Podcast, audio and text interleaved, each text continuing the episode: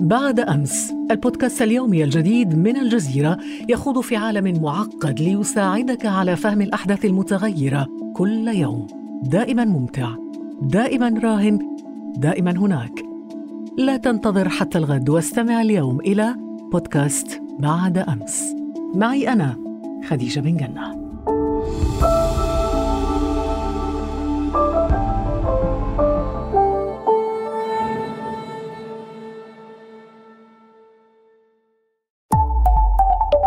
الجزيرة بودكاست.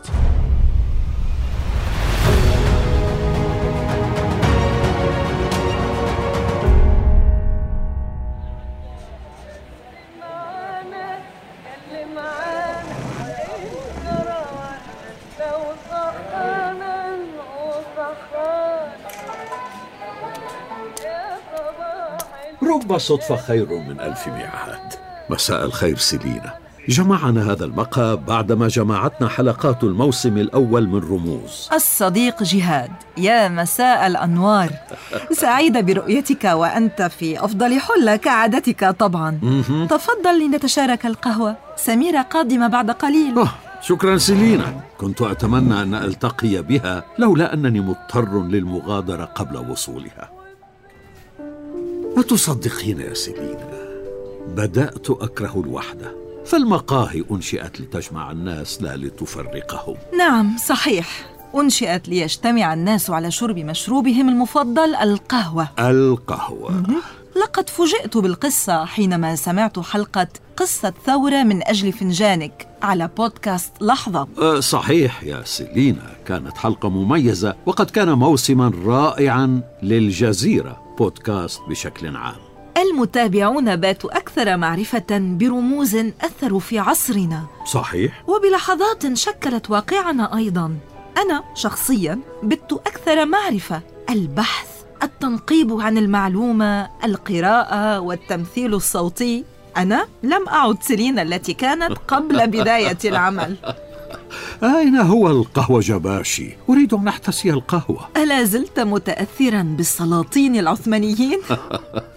يا سيلينا لقد تذكرت نفسي وأنا أقدم شخصية السلطان عبد الحميد لقد تأثرت كثيرا بهذا الرمز الذي رقص مع الذئاب وقرر ألا يبيع أرضا لا يملكها بل هي ملك للأمة الإسلامية فلسطين يا سيلينا فلسطين هذا القرار الشجاع كان ثمنه باهظا.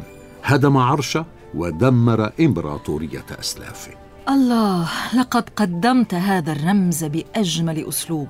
وتخيلت نفسي في حضرة السلطان الذي ذهب إلى منفاه من دون أن يبيع الأرض المقدسة. صحيح. ما أكثر الرموز الذين ضحوا من أجل حقوق شعوبهم وأمتهم. مثل محمد مرسي العياط أول رئيس منتخب في مصر الذي انتهى به المطاف سجينا بعد الانقلاب. هو الذي عاهد شعبه ألا يخون الله فيهم. أصبح متهما بالخيانة. فارس سقط من على حصانه في ساحة المحكمة. لقد عاش رجلا ومات رجلا. مشاهد النهاية عادة تكون مؤثرة. أنا ما زلت متأثرة بأدائك الرائع لمشهد نهاية حياة صدام. آه صدام. سواء كنا نتفق أو نختلف معه فشنقه كان مفجعا وأثر في نفوس العرب. حاولت يا سيلينا أن أجسد شخصيته وأتعمق فيها. صحيح. وحاولت القيام بالأمر نفسه في حلقة حافظ الأسد. ولكن كنت قاسية معي في هاتين الحلقتين ولكنك مثلت تساؤلات الجمهور كما يجب. عفارم عليك سيلينا. أوه صديقي جهاد وصديقتي سيلينا. كم تسعدني رؤيتكما يا رفيقي في البودكاست. أهلا. أهلا وسهلا. أهلا وسهلا يا جان.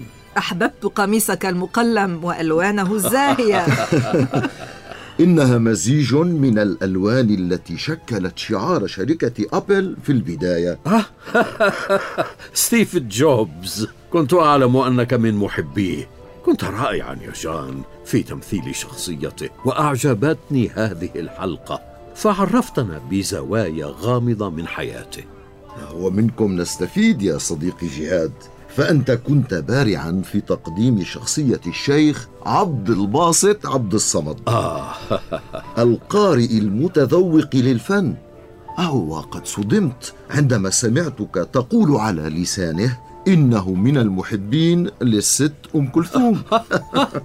الست وصلت. وكما ذكرت لكم أنا مضطر إلى أن ألتحق بموعد مهم لكنني لن أبقى بعيدا عنكم طويلا. سوف أراكم في الموسم الثاني. إلى اللقاء. إلى اللقاء. إلى اللقاء.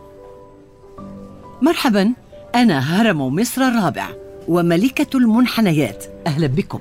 أهلا بك يا سميرة. لقد كنت في انتظارك. أتيت لأودعك ولكن هذا ليس الوداع الأخير. سأسافر قليلا وأعود مستعدة أكثر للموسم الثاني. أمامنا الكثير لننجزه مهلا سميرة لدي سؤال. أعتقد أن كثيرين من متابعين يطرحونه أيضا. هل تعتقدين أنك أجدت اللهجة المصرية في حلقة أم كلثوم؟ قد أكون لم أصب اللهجة كما يجب لكن صدقي أنني أديتها بحب كبير. وعموما أنا راضية عن كل ما قدمناه في هذا الموسم. وأنا كذلك أشعر بالرضا ولكن يجب أن نكون أفضل بالتأكيد في الموسم الثاني. آه كم نتطلع إلى حلقات الموسم الثاني؟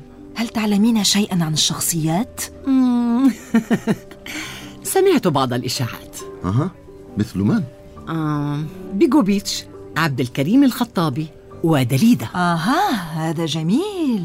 رائع جدا. أنا سأقترح على الفريق لورنس العرب. اقتراح جيد. أنا موافقة يا جان. نعم وأنتم يا متابعين الأعزاء اكتبوا لنا تعليقاتكم عن الموسم الأول واقتراحاتكم للموسم الثاني عبر حسابنا على تويتر AJA بودكاست ولا تنسوا الاستماع لما فاتكم من بودكاست رموز ولحظة من الجزيرة بودكاست عبر جوجل بودكاست أو أبل بودكاست أو ساوند كلاود. ويمكنكم أيضا زيارة موقعنا على الإنترنت podcast.aljazeera.net إلى اللقاء.